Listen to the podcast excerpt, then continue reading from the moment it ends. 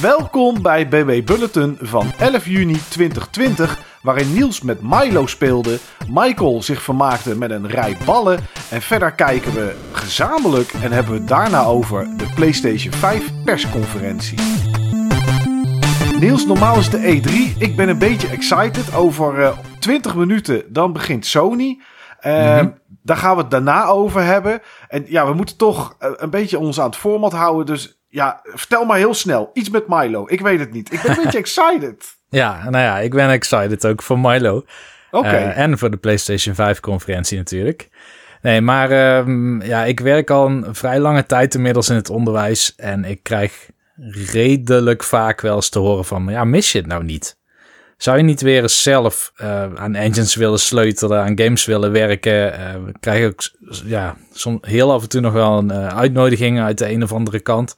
Maar het antwoord dat ik eigenlijk altijd geef is: Nou, ik bevalt, mij bevalt dat, uh, zeg maar, dat academische leventje op zich wel. Want ik heb meer overzicht. Uh, hmm. Ik zie meer ontwikkelingen uh, via bijvoorbeeld stagiairs die her en der stage lopen. Ik heb het daar dan natuurlijk nooit over in de podcast. Nee, maar nee. ik speel ook heel veel prototypes van games die gemaakt worden op de HKU. Ja. zijn games in ontwikkeling en sommige die vinden uiteindelijk een publishing traject en andere zijn meer soort van skill training platforms, zal ik maar zeggen. Gewoon puur om, uh, omdat mensen bekwaam willen worden met Unreal Engine of met uh, uh, een, een, nieuwe techniek of, of iets, een nieuwe wereld willen verzinnen. Dus je maakt dan echt van alles mee. En zo was er een tijdje terug ook een, een, een playtestdag. Die worden al vaker georganiseerd. Meestal worden dan mensen uitgenodigd om games te spelen een hele middag. En dan moeten dan de studenten ook tests omheen organiseren. Maar ja, nu met corona kun je natuurlijk niet met z'n allen in een gebouw. Dus dan moesten we online faciliteren. Ja. Maar goed, daar heb ik het even niet over. Maar wat, waar ik het wel over wil hebben is in de, nou pak een beet, bijna tien jaar dat ik denk ik af en aan heb gewerkt op HKU. Maak je heel af en toe mee dat je echt een, een enorm talent ziet ontwikkelen. Ja. Dat zijn dan studenten en die kunnen jou enorm verbazen over iets. Uh, en dit keer is het weer gelukt door iemand. En dat is Robin Raaphorst. Dus ze heeft een spel gemaakt, of werkt ze nu nog aan voor haar afstudeerperiode. Uh, dat begeleid ik ook. Maar, maar Robin is zo professioneel. Dat begeleiden meer uh, af en toe feedback geven inhoudt. Maar ja, dat is de game waar ik het over wil hebben. De game die zij ontwerpt. Dat is Milo, A Satellite of Stories. Uh, de game zal voorlopig denk ik nog niet uit zijn. Uh, iemand die heel goed zoekt zou het kunnen vinden, omdat het genomineerd is door Indigo. Okay, Indigo is netjes. een event wat vol over twee weken volgens mij plaatsvindt. Maar um, ik heb nu een paar versies gespeeld uh, waar ik iets over wilde zeggen. Uh, het is een game die nu bijna na nog geen jaar uh, in ontwikkeling is, maar ik denk een maand of acht, negen altijd. Dus ik heb het ontwikkeld zien worden vanuit echt een puur idee. En zoals echt de eerste student die ik ooit heb meegemaakt. Dat als je een afspraak maakt, een allereerste afspraak. En ik vraag, hey, kun je mij even wat opsturen uh, via de mail of een documentje van waar je ongeveer mee bezig bent. Dan kan ik me alvast inlezen voor ons eerste gesprek. Zij stuurde een ontwerpdocument van 20 pagina's of zo. dat had je niet verwacht. Nee, dat, heb ik, dat had ik zeker niet verwacht. En dat maak je bijna nooit mee. En die eerste ontmoeting dus, om te bespreken van wat ga je nou maken, had ze al een vrij concreet idee wat ze wilde. Ze wilde een wereld ontwerpen uh, die bestaat uit meerdere productietechnieken door elkaar heen. Dus dan moet je denken aan een deel is echt geïllustreerd met Photoshop of iets dergelijks. Een deel is gerenderd.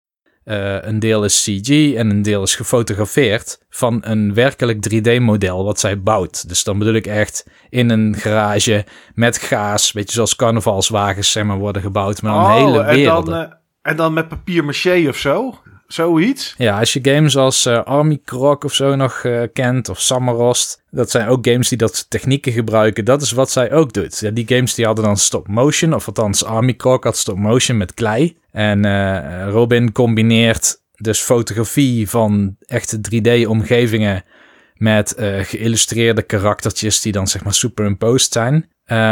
maar het wekt wel enorm de ja, de verbeeldingskracht, zal ik maar zeggen, als je het ziet. Ja, dat kan ik me wel voorstellen. Als elke wereld of elk stuk van de wereld een eigen nou, sowieso identiteit heeft qua hoe het eruit ziet, maar dan ook nog eens qua materiaal of opbouw. Dan kan ik me wel voorstellen dat dat ook heel veel diversiteit met zich meebrengt. Ja, als je dicht op het scherm kijkt, soms denk je echt van, oh ja, ik zie hier net dat die bump map een beetje lage resolutie heeft, maar dan is het eigenlijk gewoon een foto, dus dat klopt niet eens. Maar zo hmm. dicht tegen uh, computer graphics ligt, ligt daar fotomateriaal aan.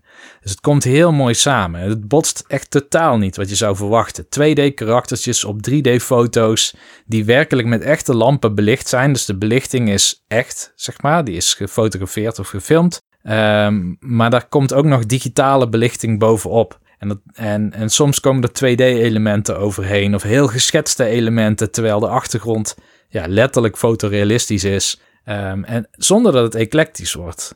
Maar goed, wat is het? Uh, het? Het is een game waarin jij een soort van klein wit vosje speelt. En je landt, of je komt terecht, zal ik maar zeggen, op een satelliet. Die zweeft door de ruimte. En dat is een vreemde satelliet. Er zitten twee antennes aan, maar het is ook een beetje biologisch of, of organisch, zou ik moeten zeggen. En wanneer je op die satelliet landt, dan kun je erover rondlopen en kun je uh, een aantal NPC's spreken. Er zijn vier main characters die jou iets kunnen vertellen over de aard van de satelliet en de reden waarom zij daar zijn. Uh, en in die dialoog die je met die karakters voert, ontdek je dat dus. Ontdek je waarom ben ik hier en um, wat is nou eigenlijk deze satelliet? Wat is, waarom bestaat deze? En ik heb vandaag nog één playthrough gedaan dat ik de hele game door kon spelen. Tenminste, deze, uh, de versie die ik nu heb, die kun je doorspelen als je precies weet wat je moet doen in iets onder een uur. Ja. Um, en het blijft mij verbazen, gewoon het oog voor detail. Maar wat, wat voor soort game is het dan, Niels? Want je praat met NPC's, maar is het dan een RPG? Is het een, een, een soort walking simulator? Wat is het? Ik zou het uh, een soort mengeling vinden van een walking simulator, maar dan met een point-and-click adventure dialogue system. Oké, oké. Dus het heeft, het heeft geen inventory, combat en dat soort dingen. Het is puur een, een, een um, hoe, hoe noemen ze die Japanse dingen ook alweer, die jij wel eens zogenaamd leest? Nee, het is geen visual novel, dat niet. Het is geen visual novel, oh dat niet. je doet wel echt lopen. Oké, oké, oké. Ja, ja je, het, het, is echt point-and-click controls, dus je loopt, je klikt ergens op het scherm en dan loopt het vosje daar naartoe. En zo loop je dan van scherm naar scherm. En dan kom je af en toe een karakter tegen. En dan kom je een dialoog in. En dat karakter heeft een bepaalde stemming. Zo zijn ze ook ontworpen. En je moet die stemming doorbreken om erachter te komen. Uh, ja, waarom je daar bent. Waarom het karakter er is. Wat de aard van de satelliet is. Wat het precies voor iets is. En het is die het is die zoektocht, zeg maar, die, dat kern staat voor wat het, wat het spel is. Maar uiteindelijk is het gewoon een expressie van Robins verbeeldingskracht. Ja, oké, ik snap het. Ja. Um, dus, dus het zal redelijk dicht aansluiten bij meer standaard genre verwachtingspatronen. Het is niet dat het zeg maar op gameplay gebied iets enorm innovatiefs doet. Het gaat hier in deze echt om die wereld en die karakters die erin zitten. Ja, ja, ik snap het. En, en, en hoe lang moet ze nog voordat het af is? Uh, nog twee, twee weken of zo. oh, ja, twee weken? Dan moet het voor school af zijn. Uh, er komt dus een, uh, een playable versie voor Indigo. En volgens mij kun je er ook nog gratis voor inschrijven. Dat je games kan spelen van Indigo. En ja, ik neem aan wel dat ze doorontwikkelt. Ik weet wel dat daar plannen voor zijn. En dat er aandacht en interesse voor ook is, extern. Ja. Maar ja, dat is nu nog te vroeg om het over te hebben. Oké. Ik zei van de week tegen jou, ik ga het hebben over een oude game. Een oude DOS-game uit 1992. Ja. Toen, uh, toen dacht jij Duke Nukem 3D. Um, en dat is het totaal niet. Ik, um, ja, ik wil het even hebben over een heel klein DOS-gamepje. En het is echt een DOS-gamepje dat op een flop past. Volgens mij past het zelfs op een DD-diskette. Is het nog niet eens 720 kb groot. Maar ik speel het dagelijks een aantal potjes. En ik heb het ook vroeger heel veel gespeeld met mijn vader. Alleen, uh, nou ja, goed. Die is inmiddels 72 of 71. Nou, hij luistert toch niet, dus maakt niet zoveel uit. Um, maar die weet niet meer dat wij dit vroeger speelden. En dan heb ik het over vroeger, nog uit de tijd dat je voor telebankieren van de ING, wat toen nog de postbank was, gewoon met een modem moest inbellen. Dus ja, dan praten we wel echt over, uh, nou echt heel lang geleden.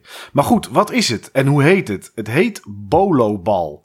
En als je even zoekt op internet, dan kan je ergens wel een gratis versie vinden. Uh, het was altijd al shareware, dus wat dat betreft is het niet heel erg. En Bolobal is een heel simpel eenschermig spelletje. Als je de game opstart, krijg je een grid, dus zeg maar vakjes te zien, van 30 breed en iets van 20 of 26 hoog. De allerbovenste horizontale rij is leeg en daar kunnen twee poppetjes zich op bewegen. Of rood of blauw, afhankelijk van wie er aan de beurt is. En die bewegen zich alleen van links en rechts naar elkaar toe. Want in de rij daaronder, dus de tweede van rij van boven, zijn allemaal ballen gepositioneerd. Uh, afhankelijk van of jij rood of blauw bent, zijn het rode ballen. Of als de computer aan de beurt is, zijn het blauwe ballen. Of een human tegenstander. Je kan het ook tegen elkaar spelen. De rest van het veld is gevuld met vierkantjes waar een pijltje op staat naar links of naar rechts. Een soort spinnenwebje wat een warp zone is. Maar goed, die vergeten we voor deze uitleg. Want anders is het, ondanks dat het een heel klein spelletje is, uh, toch misschien net even iets te veel. En je hebt grijze blokjes. En tussen al die blokjes zitten hier en daar, die zijn minder aanwezig, ook nog blokjes waar 10 op staat. En dat is het speelveld. Wat de bedoeling is, is dat je om de beurt van links naar rechts of van rechts naar links loopt. En je kan heen en weer. Het is niet, dat, het is niet zoals uh, zo'n uh, grijpautomaat, zeg maar, op de kermis. Dus als je één keer naar links gaat, dat je daarna niet meer terug kan naar rechts. En dan is het de bedoeling dat jij zo'n bal gaat laten vallen. En het doel van die bal en van jou is dat hij de bodem bereikt. Want dan krijg je 60 punten. Nou, soms, maar dat is heel zelden, is er een rechtstreeks pad wat je naar beneden kan bewandelen. Dus je loopt naar links en rechts, je laat de bal vallen en die kan gewoon in één rechte streep naar beneden. Maar 90% van de tijd, of misschien zelfs nog wat meer, landt hij op een blokje met een pijltje. Staat het pijltje naar links, dan rolt de bal er aan de linkerkant af. Staat het pijl naar rechts, nou je raadt het al, dan rolt hij er aan de rechterkant af. Maar op het moment dat jij je bal daarop laat vallen, draait het pijltje.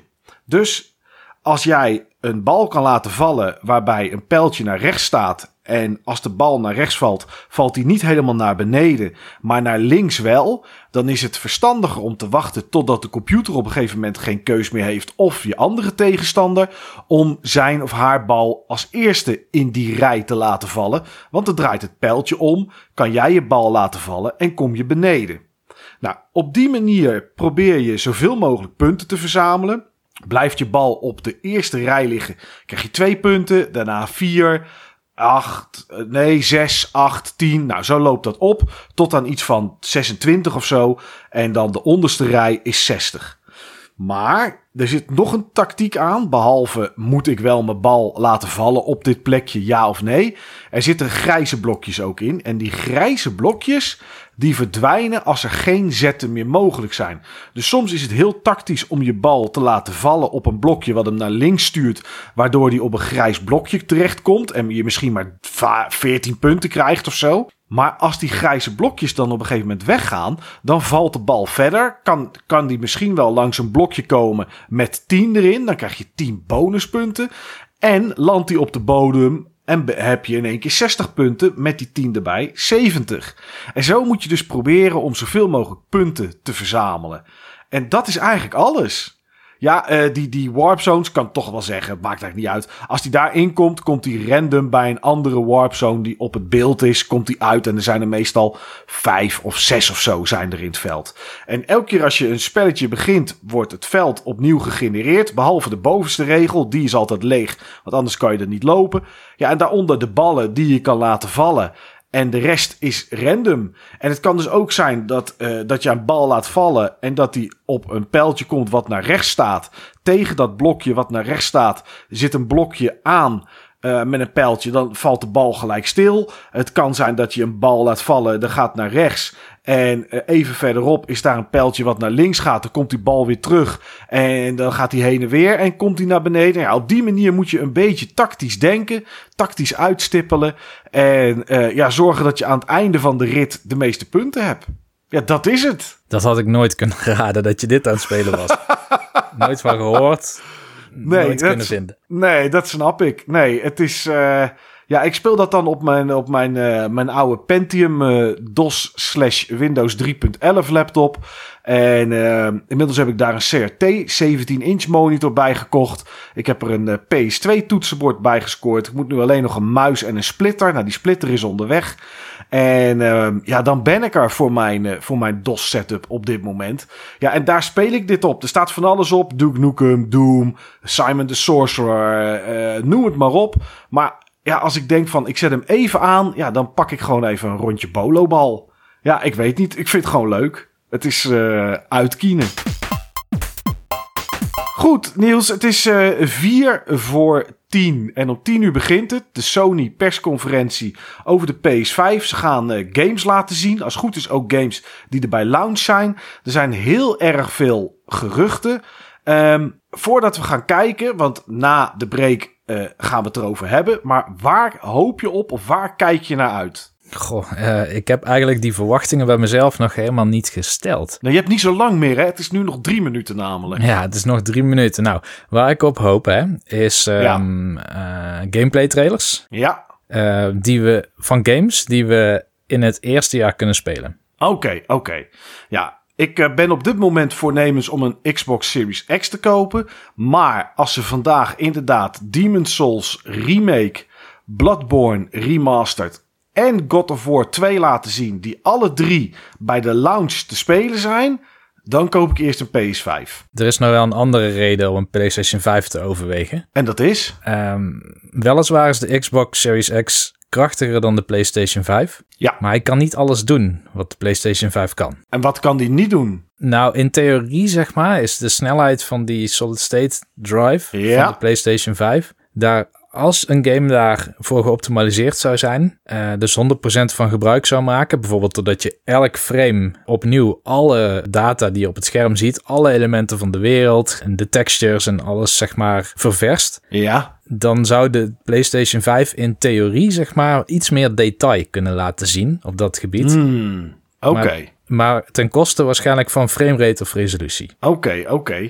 Nou ja, goed. Uh, we gaan het zien. Het is, uh, het is nu nog twee minuten. Um, ja, wij nemen een break van een uur. Um, wat jullie in deze uitzending natuurlijk niet horen. En zijn daarna terug met wat we gezien hebben. Wat we bijzonder vonden. En wat we er überhaupt van vonden.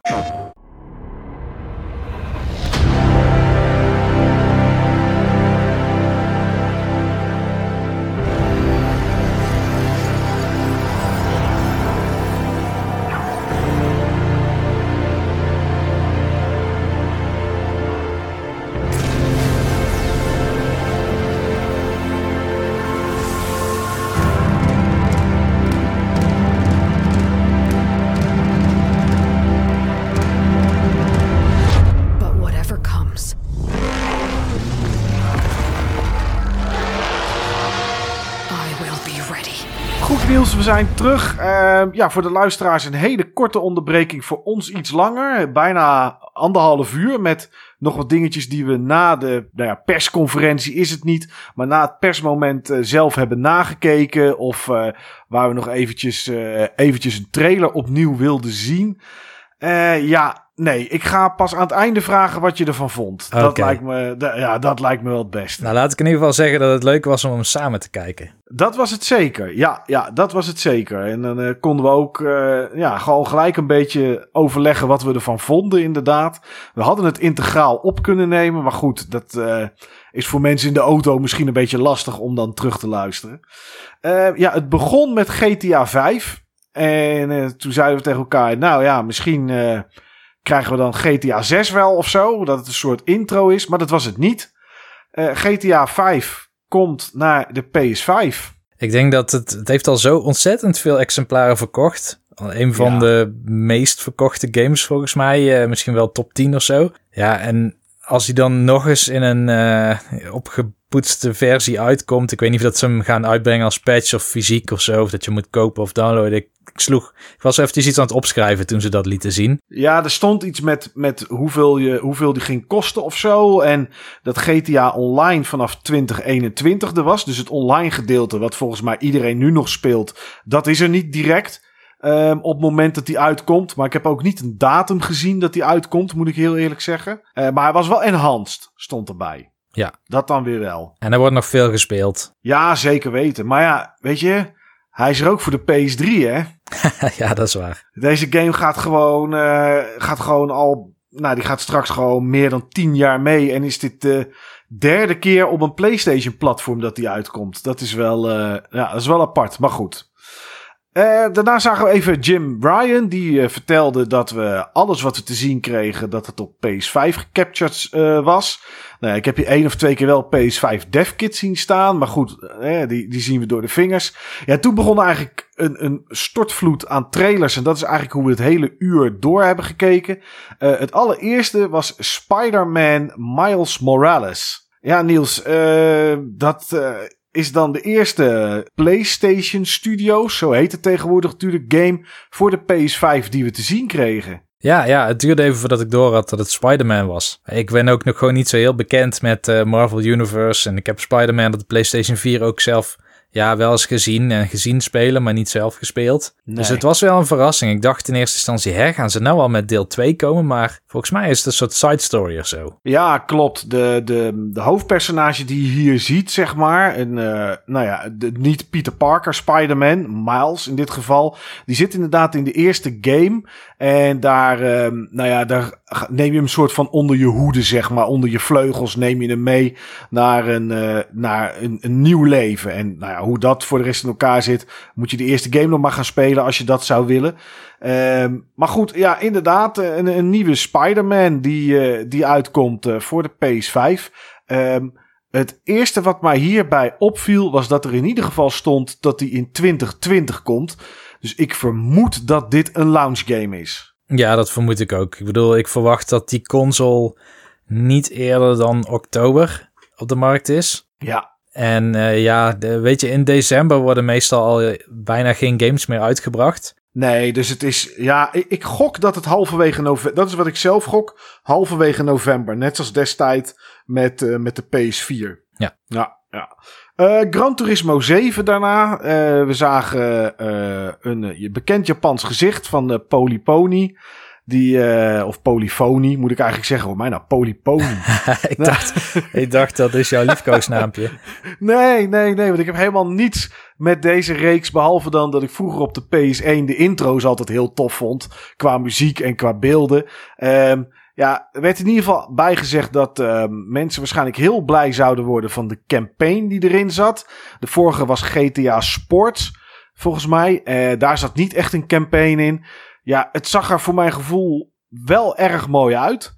Uh, raytracing zag ik overal. Ik, geloof dat nou, wat er ook maar kon reflecteren, reflecteerde. Uh, maar geen datum. Geen release datum. Nou is dat voor uh, Gran Turismo games denk ik wel het beste. Want 9 van de 10 keer pakt dat niet zo goed uit. Uh, ja, jij nog iets wat je hierbij kwijt wil? Dit was een van de games waar ik dacht, zou dit niet stiekem toch een cross-gen game zijn? En dat je bijvoorbeeld op de PlayStation 4 dan geen geraytraced reflecties krijgt, maar gewoon op basis van cube maps of, of uh, screen space reflections, zoals we nu uh, vaak zien. Ja. Ik had niet hmm. het idee, zeg maar, van, oh, dit is zo'n grote sprong. Dit had ik me niet voor kunnen stellen. Nee, nee, ik snap wat je bedoelt. Uh, had je dat wel bij Ratchet Clank Rift Apart, de game die we daarna zagen? In sommige opzichten wel.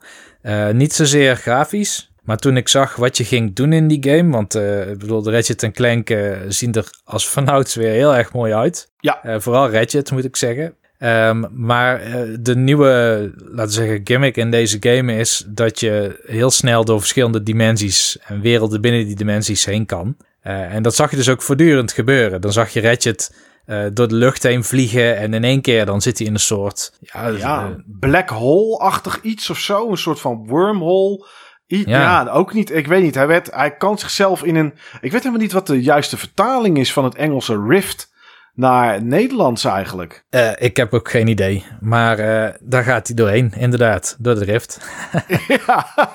ja, en dan komt hij in andere werelden uit. En dat zag er eigenlijk uh, wel heel erg vloeiend en soepeltjes uit. Dus ja, dat is denk ik wel een, een, een showcase van de kracht van de PS5. Met daarbij de, de supersnelle SSD, de supersnelle disk.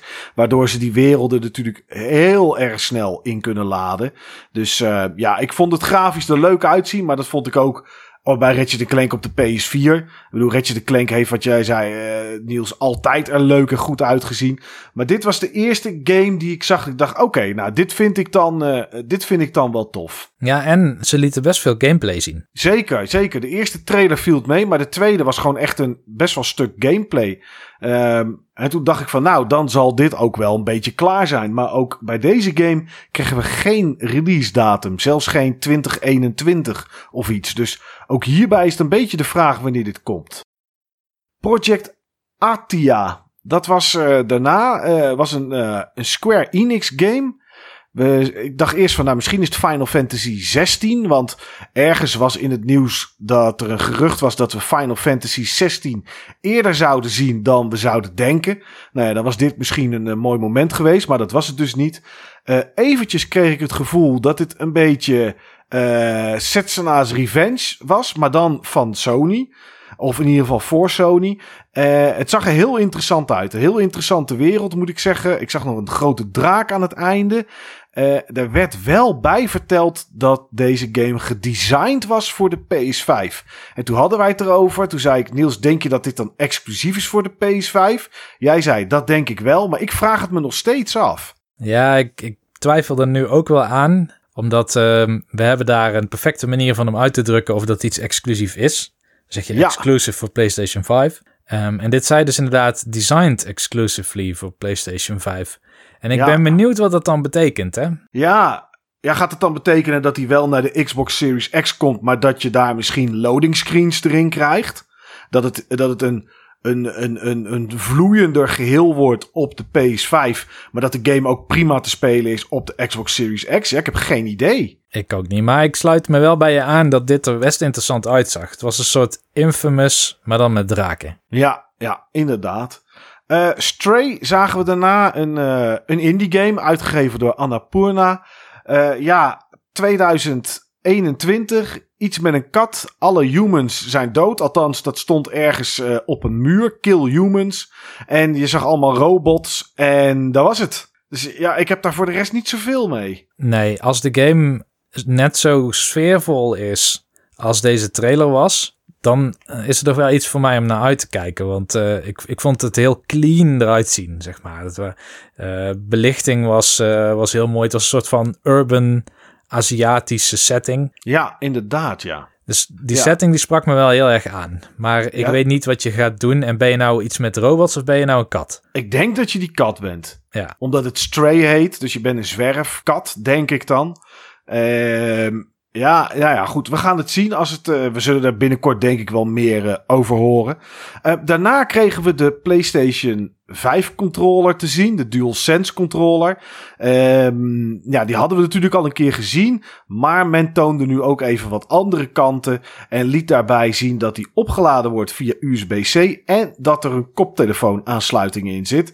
Uh, dat laatste ben ik toch wel blij mee. Stel dat ik hem een keertje ooit ga kopen en die kans is uh, 100%, dan vind ik het toch altijd prettig om gewoon mijn oortjes zeg maar van mijn Samsung telefoon in de controller te stoppen. Ja. Dus ik ben blij dat ze dat in ieder geval uh, gedaan hebben. En ik ben blij met de USB-C. Ja, dat snap ik. Dat is wel prettig. Dan uh, scheelt weer een, uh, een, een USB. Wat hebben we nu? Een micro-USB zit er nu in, geloof ik, waar je mee oplaadt. Maar ja. het is wel prettig als gewoon alles met telefoon, met switch, elke controle, als het gewoon allemaal USB-C is, inderdaad. Opvolgend zagen we Returnal, een game van Housemark. Ja, ik ben fan van Housemark, moet ik zeggen, maar dan wel um, moet ik het wel goed zeggen, wel de twin stick shooter games. Ze hebben ook ooit wel eens een keer een andere game gemaakt en ik kan nu niet op de naam komen. Um, dat was sidescrolling met springen en dat soort dingen. Uh, was ik geen fan van, wat ik vond ik niet heel tof. Uh, wat vond je hiervan, Niels? Uh, nou, ik vond er nog niet zo heel erg veel van. Ik ben ook vergeten wat daar precies getoond werd. Ik, kan me, ik heb alleen opgeschreven mooie beelden en hier viel me pas voor het eerst het geluid echt op. Ja, ah, dat had ik al wel een beetje bij Ratchet Clank. Dat, uh, dat, of het zo was, weet ik niet. Maar ik had het gevoel dat ik echt dingen links of heel erg links hoorde. En dat had ik ook met rechts ja. en achter me. Um, dus dat, daar deed het, uh, het 3D-audio effect het wel goed. Um, wat ik hierbij vond is dat heel veel van die twin-stick shooter games is, zijn vaak van Housemark. Dat je heel veel kogels moet ontwijken. Uh, als je Resogun neemt of Stardust. Dat, soort, dat soort titels. En dat was hier nu ook, maar dan third person. Want je bent gewoon een persoon, een vrouw die dood is gegaan. Althans, dat zegt ze heel vaak in de trailer. Met een blauw oog en een bruin oog. Ik weet niet waarom dat bij is gebleven. Misschien omdat het heel expliciet in beeld kwam elke keer.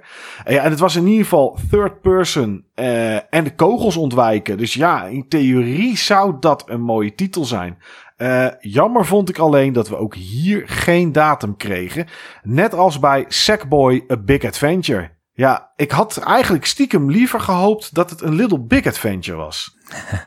ja, maar het was eigenlijk een ander soort gameplay. Hè? Het was uh, third person camera, een beetje actieplatformer.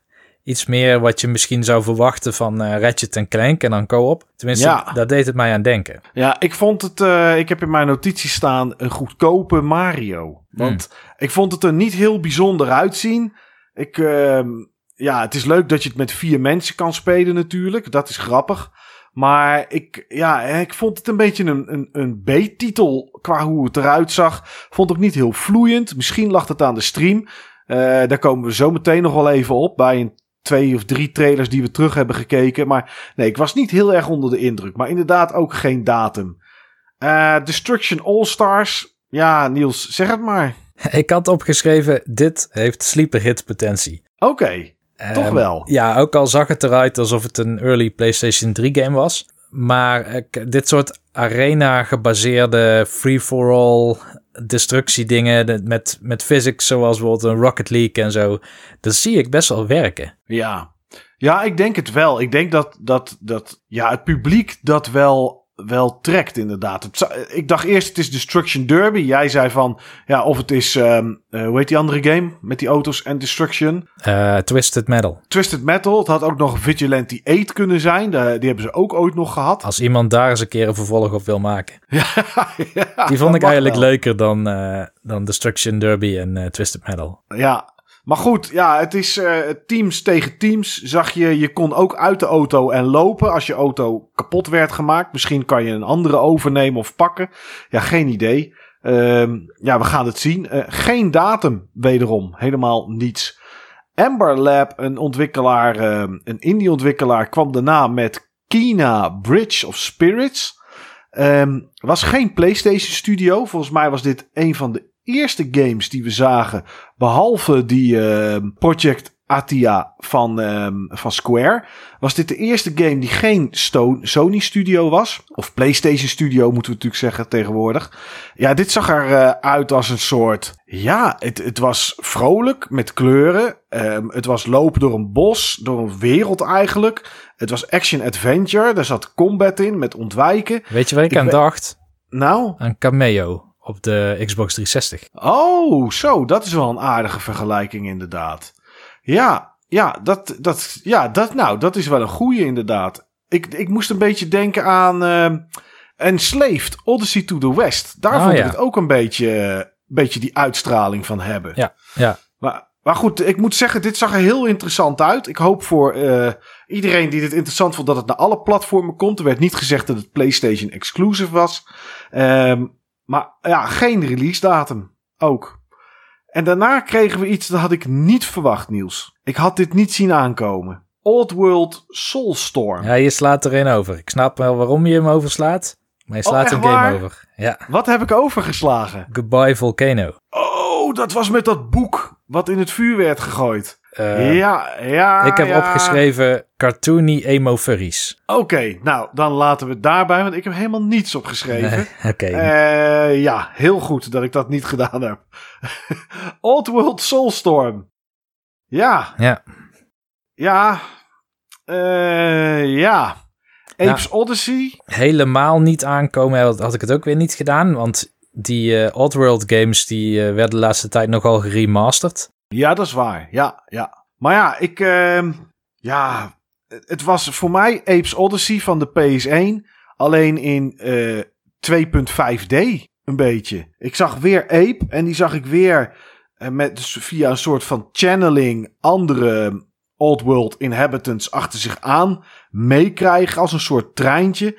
Ik zag heel veel ontploffingen. Ik zag complete chaos continu. En het enige wat ik dacht tijdens het kijken van die beelden was: dit is niet spelen. Ja, dat dacht ik ook. Dat was precies wat ik had. Ja, dit is. Dit is, hier gebeurt zoveel tegelijkertijd. Dit is niet. Dit voelde voor mij aan als Sonic op de Mega Drive. Je geeft gas en ja, geen idee waar je uitkomt. Echt niet. Dus uh, ja, ik ben benieuwd uh, als we er iets, uh, iets, meer, ja, iets meer gameplay van krijgen te zien. Zag er niet comfortabel uit, had ik er zelfs bij gezet. Mooi zeg. Nou ja, ik heb vorig jaar die Crash Bandicoot trilogy gespeeld. Of ja. twee jaar geleden volgens mij al. Mm -hmm. um, en ik vond bijvoorbeeld Crash 1 al heel lastig speelbaar tegenwoordig. Maar die Oddworld zag er nog veel lastiger uit. Ja, ja ik, nee, ik, ik ben heel benieuwd wat dit gaat worden. Ghostwire Tokyo was de game die we daarna zagen. Dat begon goed, hè? Ja, dat begon goed. Dat begon eigenlijk vorig jaar tijdens de E3 al goed. Toen Bethesda die game liet zien. Toen vond ik het super interessant. Dat vond ik nu ook. Totdat we gameplay kregen. Ja. En toen zei ik eigenlijk tegen jou: Ik uh, denk dat ik er wel klaar mee ben. En dat is natuurlijk heel snel en dat is natuurlijk heel resoluut.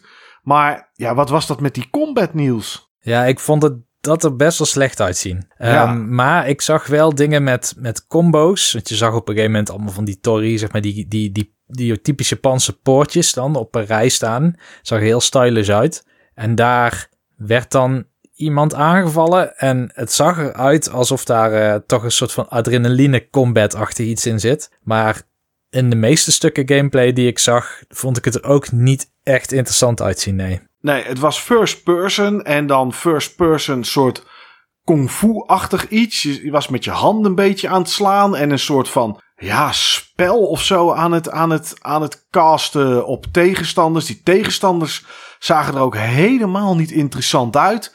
Nee, deze game die is uh, behoorlijk gezakt op mijn uh, lijstje van dingen die ik uh, eventueel interessant vind. Uh, komt wel uit in 2021. Nou ja, dat is dan in ieder geval iets. Dus in ieder geval een game waar we, waar we een datum of zo uh, bij kregen. Daarna kregen we de Far Shore voor Holiday 2020. Ik weet nu al niet meer wat dit was. Is dat uh, van Super Brothers, van Swords and Soldiery? Oh, dat was het. Zo zeg. Ja, ja, die inderdaad. Dat was het inderdaad. Dat ja. klopt, ja. Ja, ja, nou ja, goed. bekijk de trailer, mensen, zou ik zeggen. Ik weet het niet. Uh, Godfall, nou ja, dat is de Gearbox PS5 en PC game. Het komt ook naar PC, die we al eerder gezien hebben. Uh, ja, Holiday 2020, dus dit zal wel een launch titel zijn.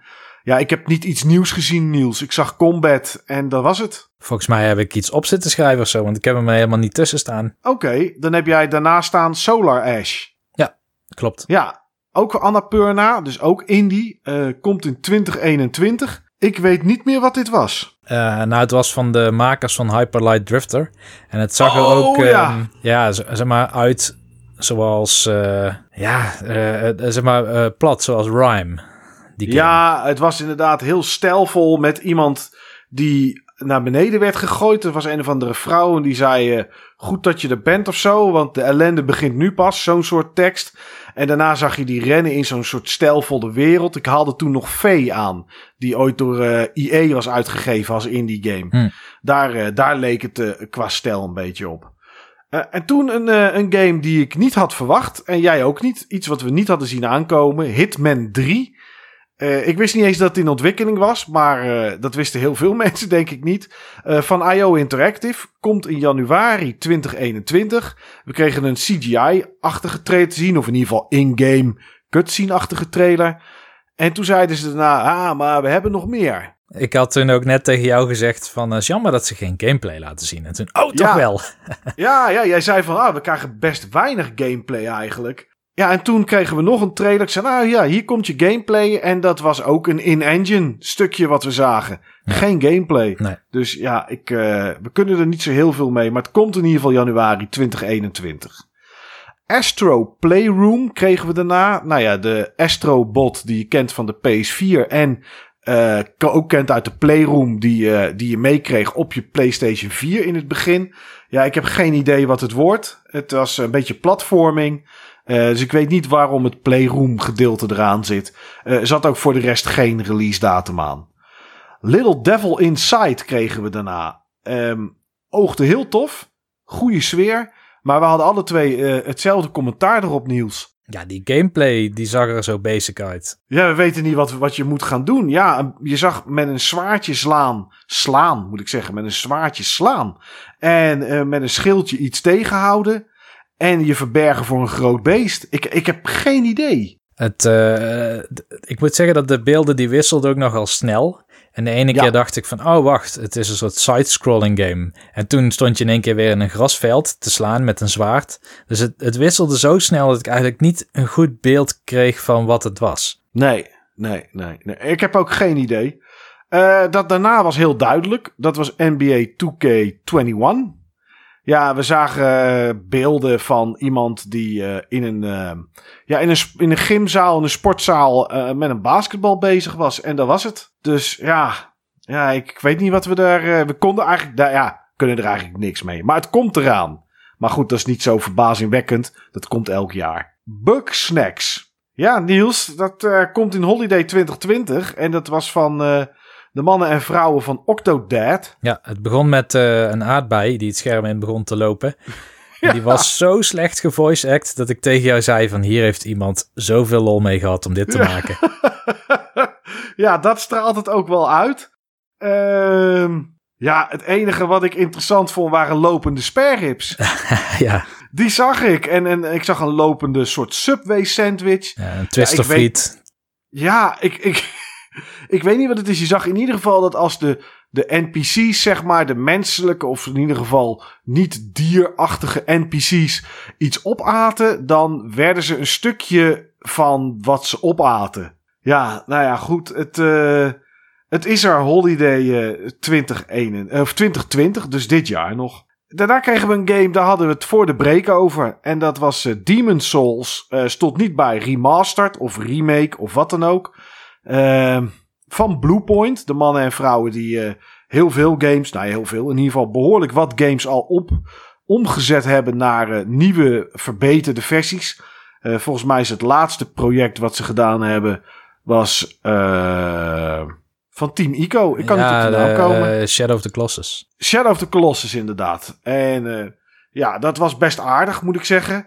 Maar wat vond jij van Demon's Souls? Um, nou, het duurde even voordat ik de game herkende. Terwijl ik heb die game best veel gespeeld. Ja. Dus het, uh, als ze zeggen remake, ik had het gevoel dat het uh, net als Final Fantasy 7, maar misschien niet zo extreem, meer een soort reimagination is. Maar misschien blijft het veel trouwer hoor aan de game dan, uh, dan ik nu zeg. Maar het heeft een heel andere grafische stijl. Dat heeft het zeker. Ik herkende het in eerste instantie ook daardoor niet. Uh, jij zei het ziet er iets wat cartoony uit. Ja, inderdaad. Een beetje cartoonesk hoe het eruit zag. Vooral die, je zag op een gegeven moment een soort, een soort um, skelet. En, en ja, ik weet niet, dat leek wel een soort medieval-achtig hoe die eruit zag. Da, daar beetje... moest ik toen ook aan denken, ja. Ja, Sir Daniel Grotesque. Daar leek hij een beetje op. Maar ik vond het er wel goed uitzien. Dat zag het er zeker. Het zag er goed uit. Um, de draak die we aan het einde zagen, zag er dan meer Demon Souls uit dan andere dingen. Het was ook heel glimmend, weet je. Het was heel, um, hoe moet ik het zeggen? Het was heel uh, netjes, zeg maar. En, en gepolijst. Ja, en, ja. En, en dat soort dingen. En dat zijn we eigenlijk helemaal niet gewend van From Software games. Ik bedoel, Sekiro had dat ook niet. En de Dark Souls games waren heel donker en een beetje, beetje grauwachtig. En dit, ja, dat was dit niet. En dat vond ik de eerste Demon Souls vond ik meer grauwig dan wat we nu gezien hebben. Maar goed, um, waar ik een beetje van baalde is geen datum. Ja, dat is waar. Ja, ja. ja. Uh, Arcane Studios, de man en vrouwen van Dishonored, lieten daarna Deathloop zien. Hadden we die game al eerder gezien, Niels? Want jij zei gelijk, is dit Deathloop? Ja, ik meen dat we die op de E3 hebben gezien, of de Game Awards of zo. Ik herkende hem ergens van. Oké. Okay. Nou ja, uh, als je de game uh, gaat bekijken, de trailer, of als je hem niet gezien hebt, dan zou je, uh, als je het wel gaat kijken, ook kunnen herkennen. Want ik vond het wel een beetje Dishonored-achtige gameplay. Met jezelf vooruit warpen en uh, naar boven teleporteren en dat soort zaken. Maar goed, uh, ja, ik weet niet, niet zo goed wat ik hiervan moet denken van deze game. Het, uh, ja, je was een assassin die op een eiland zat volgens mij. En je moet acht mensen omleggen voor 12 uur. Want anders dan kom je niet uit de loop waarin je zit dat je steeds doodgaat. Maar er is ook nog een andere assassin, een vrouwelijke assassin, die het op jou gemunt heeft. Dus het werd op een gegeven moment heel rommelig met heel vaak doodgaan. En dat alles weer opnieuw begint. Maar ja, ik weet niet. Het, ik vond het verwarrend. Ik vond hem wat overproduced, die trailer. Waardoor eigenlijk de boodschap verloren ging. Het, het duurde zo verschrikkelijk lang. Ook met, oh, en nog een keer starten en nog een keer. En dan legde de voice-over uit. Ja, je begint weer opnieuw. Je hebt zoveel tijd. En als het dan fout gaat, dan begin je weer opnieuw. En ik dacht wel van, we hebben, uh, misschien was het vorige E3 of zo, maar het kan ook ervoor geweest zijn, een keer die game gezien die ook zo'n soort van time loop had. En die demonstreerde dat heel erg mooi. Dat zag je zo uh, isometrisch. In zo'n kamertje zat dat. Jij ja, precies. Bij, de, ja, ja, ja, bij de Xbox-presentatie was dat volgens mij afgelopen jaar. Ja. En dat heette volgens mij Huppel de Pup Minutes of zo. Was iets met Minutes volgens mij, hoe die game heette. Ja. En dat was inderdaad, je zag die kamer. Eh, elke keer duurde een playthrough volgens mij 15 minuutjes. Maar dan leerde je weer iets waardoor je sneller iets kon doen of iets kon voor zijn, zodat je steeds verder kwam in de game inderdaad. En die liet dat inderdaad heel duidelijk zien. Dat werd uitgelegd, het werd getoond. En hier was dat, ja, dit was heel hip. Zullen we het maar zo noemen, denk ik. ja, is goed. Ja, ja. Um, daarna kregen we iets en ik zei tegen jou, ik vind de sfeer goed. Maar dit lijkt mij een beetje een B-game. Want de animaties waren heel brak en houterig. Um, de trailer liep ook niet vloeiend. Daar zat ook stottering in. En toen zei jij, want jij liep iets voor. Ah, oké, dit heet Village. Ik zeg oké, dus ik tikte Village in. Toen zei je, oh, hè, nee. En toen stond er in één keer Resident Evil onder. Ja. Ja, Resident Evil 8. Geen gameplay. Nee, maar gek genoeg, hè. Ik heb um, Resident Evil 5 niet gespeeld. 6 niet gespeeld. Um, ja, heb ik alle twee wel gespeeld. Ik heb 7 alleen de demo in VR gespeeld en toen kon ik niet meer verder. Oh ja, die heb ik gespeeld en uitgespeeld. Maar dit was wel voor het eerst dat ik dacht, deze wil ik weer echt doen. Ja, dat snap ik wel, want je zag echt, ja, je zag inderdaad een village. Je zag echt een dorp met een soort, jij noemt een soort Castlevania-achtig uh, kasteel. Wat daar, wat daar zo op zo'n berg stond. Ja, ja. Je, je zag, ja, vrouwen, een soort van evil-achtige heksen leken het. In nachtjapon. Het leek een beetje assenpoester-achtige setting of zo. Um, iets met een bos en donker en, en mensen die daar verdwenen. En ja, je zag van alles eigenlijk. Was ook niet een weerwolf of zo op het eind? Ja, klopt. Iemand die het soort transformeerde. Alleen, ja, die, toen dacht ik van, ik ga hem nog een keer kijken. Dit is trouwens net zoals de Demon Souls trailer. Twee trailers die ik in ieder geval nog even opnieuw heb gekeken nadat het klaar was. Om te kijken van, oké, ik wil het nu even zien in 4K resolutie. Want ja, stream blijft toch stream. En, en, en dit was nog steeds houterig. En dat soort dingen allemaal. Dus ja, weet je, dat, gaat, dat zal Capcom vast wegpoetsen. Maar ik vond dit niet een hele sterke eerste indruk. Qua hoe het graaf, ja, grafisch. Ja, sommige dingen wel. Environment, omgevingen zagen er super goed uit. Maar gezichten waren soms ja, heel plat. Qua kleur en zo. En geen diepte. Ik weet niet. Uh, nou ja, ja, als we er meer van zien en meer gameplay. Misschien dat het wat slecht werd getoond of zo. Dat kan. Ja, ik denk het. Vaak worden die trailers ook niet door de developers zelf gemaakt, maar door een soort van PR-bureau. Die krijgen daar heel veel footage zeg maar aangeleverd en die knippen er dan iets van. Ja. Uh, dus um, ja, het zou ook zomaar kunnen dat uh, het PR-niveau voor de sfeer uh, iets toch met de kleur even werkt of zo. Ja, inderdaad. Ik heb eens een keer op Reddit heb ik eens een keer iemand gezien die werkte bij zo'n bedrijfje die inderdaad trailers maakt voor games. En dat zijn inderdaad uh, 9 van de 10 keer niet de ontwikkelaars zelf. Ja, dat klopt. Uh, Pragmata of Pragmata zagen we daarna. Was van Capcom. Komt in 2022. Ik heb erbij staan geen idee. Ik weet niet wat het was. Nee, nee. Ik uh, wist dat die game eraan zat te komen. Maar ik weet ook niet wat het is. Het zag er wel cool uit. Um, je, je zag een, een stad in eerste instantie. Met een iemand in een bepaald suit. Het was niet precies een spacesuit of zo, maar het had er wel wat van weg. En uh, er komt een kat voorbij en langzaam zie je elementen glitchen. Dus je ziet de kat ook, uh, ja, zeg maar als een soort uh, X-ray. een soort robot, iets of zo werd het. Ja. ja. En dan op een gegeven moment gaat alles de lucht in en gaat de ruimte in. En toen was ik het een beetje kwijt. Ja, toen brak ook, zeg maar, ehm, de lucht leek een soort koepel te zijn of zo. Een soort virtuele wereld of een soort bubbel waar dat meisje dan, dat kleine meisje, in zat. En dat ging kapot. Toen deze een soort van spinnenwebachtige bal om haar en die kerel of robot of wat het dan ook is in die spacesuit, zeg maar. En toen om, om zichzelf te beschermen. En toen vlogen ze naar een planeet en keken ze naar de aarde. En toen zag je Pragmata staan. Ja. De allerlaatste game was Horizon, en niet Zero Dawn, maar Horizon Forbidden West. Ja. Ik heb daarachter staan geen gameplay en geen datum. Nee, opvallend hè? Ja, Ja. je hebt gelijk. Ehm, maar eh, ja, wel denk ik de beste afsluiter om te wensen voor deze conferentie. Dat eh, denk ik ook wel, qua game in ieder geval. Want er zat nog wel iets na. Ehm, maar inderdaad, het is natuurlijk eh, ja, Horizon Zero Dawn en, en die DLC hebben het erg goed gedaan op de PS4. Dus ja, Sony die wil natuurlijk wel ook een echte eigen, echte, echte eigen game, zeg maar. Al is Spider-Man dat ook wel. En Gran Turismo ook. En Ratchet Clank ook. Maar dit is toch wel nog meer Sony, zeg maar, dan, eh, dan misschien de rest. Eh, ja, de wereld zag er interessant uit. Het was, eh, ja, zover ik zag, iets met een soort van virus leek het wel, van een plant. Of iets, iets wat, wat daar in ieder geval groeide. Het, was, leek in ieder geval niet een hele simpele deel 2 die ja, eigenlijk hetzelfde doet als deel 1, maar met wat extra moves of zo. Daar leek het in ieder geval niet op. Nee. Dat vind ik in ieder geval wel goed.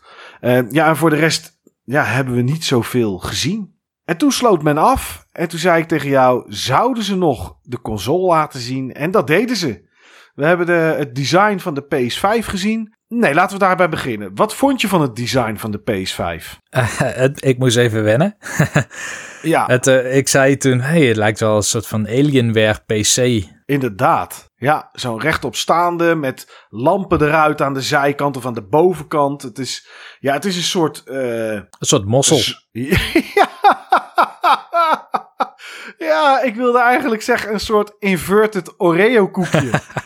Want die is zwart aan de buitenkant en wit van binnen. En deze is ja, zwart aan de binnenkant en een soort ja, witte flappen aan de buitenkant. Die denk ik, als we het zo zien op de eerste beelden, er vooral zijn om ervoor te zorgen dat de lucht heel goed omhoog kan. Ehm, ja, hij is niet echt symmetrisch. Als je kijkt naar de, naar de Xbox Series X, is gewoon echt een vierkante doos. Ehm, dit heeft toch wel een beetje jeu. Maar ja, ik weet het niet. Ik vond het er niet. eh, ik ben niet weggeblazen. De controller vond ik destijds niet zo mooi. En dit had ik zoiets Maar van. naast ja, die console. Ja, Nee, ja. ja ik, ik. Nee. Ik vind het niet bijzonder. Nou, het is niet een chic apparaat. Nee, dat is het niet. Nee, nee, nee. Daar heb je gelijk in. Hij is niet chic, inderdaad. Ja, wat het dan wel is. Ja, ik weet het niet. Het is een beetje futuristisch. Ja, het lijkt zo'n zo'n. Het lijkt ook een beetje op een soort voetbalbokaal, zeg maar. Die aan de onderkant een voet heeft. Dan een beetje taps toeloopt en aan de bovenkant breed is. Ik, eh, of, een, of een of ander gebouw wat ze ineens in Dubai uit de lucht stampen. zo, ja, inderdaad. Zoiets, Ja. daar lijkt het een beetje op. Maar waar ik wel erg verbaasd over was en waar ik nog nooit een gerucht over had gehoord en wat ik ook niet zag aankomen en waar ik heel erg benieuwd naar ben hoe zich dat gaat verhouden, is dat er komt een PS5 en er komt een PS5 Digital Edition. Daarmee gaan ze Microsoft een beetje achterna die de Xbox, eh, Xbox One All Digital had. Of S All Digital of wat dan ook. Dus een PS5 zonder eh, Blu-ray speler erin. Slimme zet of is dit verwarring scheppen? Eh, nou, ik, ik weet het nog niet. Eh, ik, ik heb er eigenlijk nog niet zo goed over nagedacht. Aan de ene kant ehm, verwacht ik dat er. dat, dat je straks aan schijfjes niet superveel meer hebt, zeg maar. Vanwege updates, ehm, extra content, zeg maar, die wordt toegevoegd aan de game. Ja, Ehm, dat soort dingen. Eh, de harde schijf is ook niet zo super groot van de PlayStation 5. nee, die zit onder een terabyte. Ja, dus ik vraag me af hoeveel games kunnen daar dan op. Eh, ik denk eh, Ik denk drie. drie, drie middelgrote games, zoiets. Ja. Ja. Nou ja, als je kijkt naar vandaag is, is er een update uitgekomen voor Call of Duty ehm, eh, Modern Warfare. Die game die neemt inmiddels op mijn harddisk geloof ik 80 GB in beslag. Alles bij elkaar. En er kwam vandaag een update uit van 35 GB. Nou is de game niet met 35 GB gegroeid op de PS4. Hij is met 4 GB gegroeid. Maar dat ding gaat, gaat langzaam richting de 200 GB. Ik ken mensen die hebben een, um, een, een PS4, gewone eerste model met 500 GB harddisk. Die hebben of Call of Duty erop staan, of andere games. Maar niet Call of Duty en, en games. Nee. Dat past gewoon niet, omdat... Kijk, dat zal straks anders zijn, maar het update-mechanisme op dit moment van de PS4 is dat hij de hele game opnieuw kopieert. Dus je hebt niet 200 GB nodig voor die game, of 180 of 170. Maar dat heb je twee keer nodig, want hij kopieert hem helemaal opnieuw. Ja, dat zal straks weg zijn, mag ik hopen. Dat moet haast wel, ja. Ja, zo'n old digital, ja, als, vraag ik me af hoeveel games je daar inderdaad op kwijt kan. Maar ik ben vooral geïnteresseerd, en dat is, dat is denk ik de reden dat ze dit doen, om de prijs naar beneden te brengen. Ja. Maar ja, die hebben we nog niet gezien. Uh, nee, ik ben ook benieuwd hoeveel verschil er straks in gaat zitten. Want die Xbox, die All Digital, die was echt significant goedkoper. Die was 200 euro volgens mij, toch? Ja. Ja, ja. Ja, dus ik ben, uh, ik ben benieuwd wat dit, uh, wat dit gaat doen. Design, nee, ben ik niet zo fan van. Ja, hij kan ook liggen. Daar hebben we inmiddels plaatje van gezien. Gaat die voet eraf en dan kan die op de zijkant kan die gewoon liggen. er zit USB aan de voorkant. Uh, achterkant hebben we niet gezien. Bovenop heel snel eventjes. Uh, maar wat er nog meer getoond werd, was heel snel. Maar uh, er is een HD-camera die beschikbaar komt. Geen idee nog wat ze daarmee gaan doen. Misschien toch weer iets met VR. een remote is er beschikbaar. Of die erbij zit, weet ik niet. Maar een soort media remote.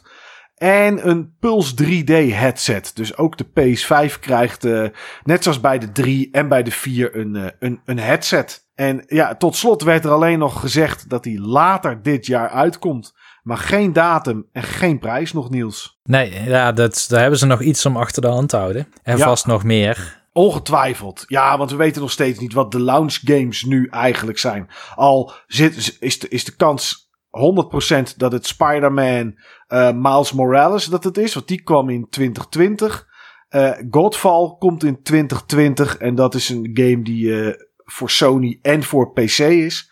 Ja, en dat zijn de enige twee games, volgens mij, als ik even zo naar het lijstje kijk met een schuin oog, die 2020 waren. Ja, behalve de Far Shore en Bugsnax. Maar ja, dat zijn niet echt PS5 exclusieve games. Dus weet ook niet of die uh, op de launch te zijn of dat die al eerder uitkomen en dan ook de, bij de launch van de PS5 zijn. Maar goed, ja, Niels, heb je nog wat toe te voegen voordat we onszelf afvragen wat we hiervan vonden? Nee hoor, laten we dat maar gaan doen dan. Wat vond je ervan dan? Oké, okay. uh, ik vond een hele goede conferentie, zal ik maar even noemen. Ja. Um, ik was eigenlijk van begin tot eind geboeid.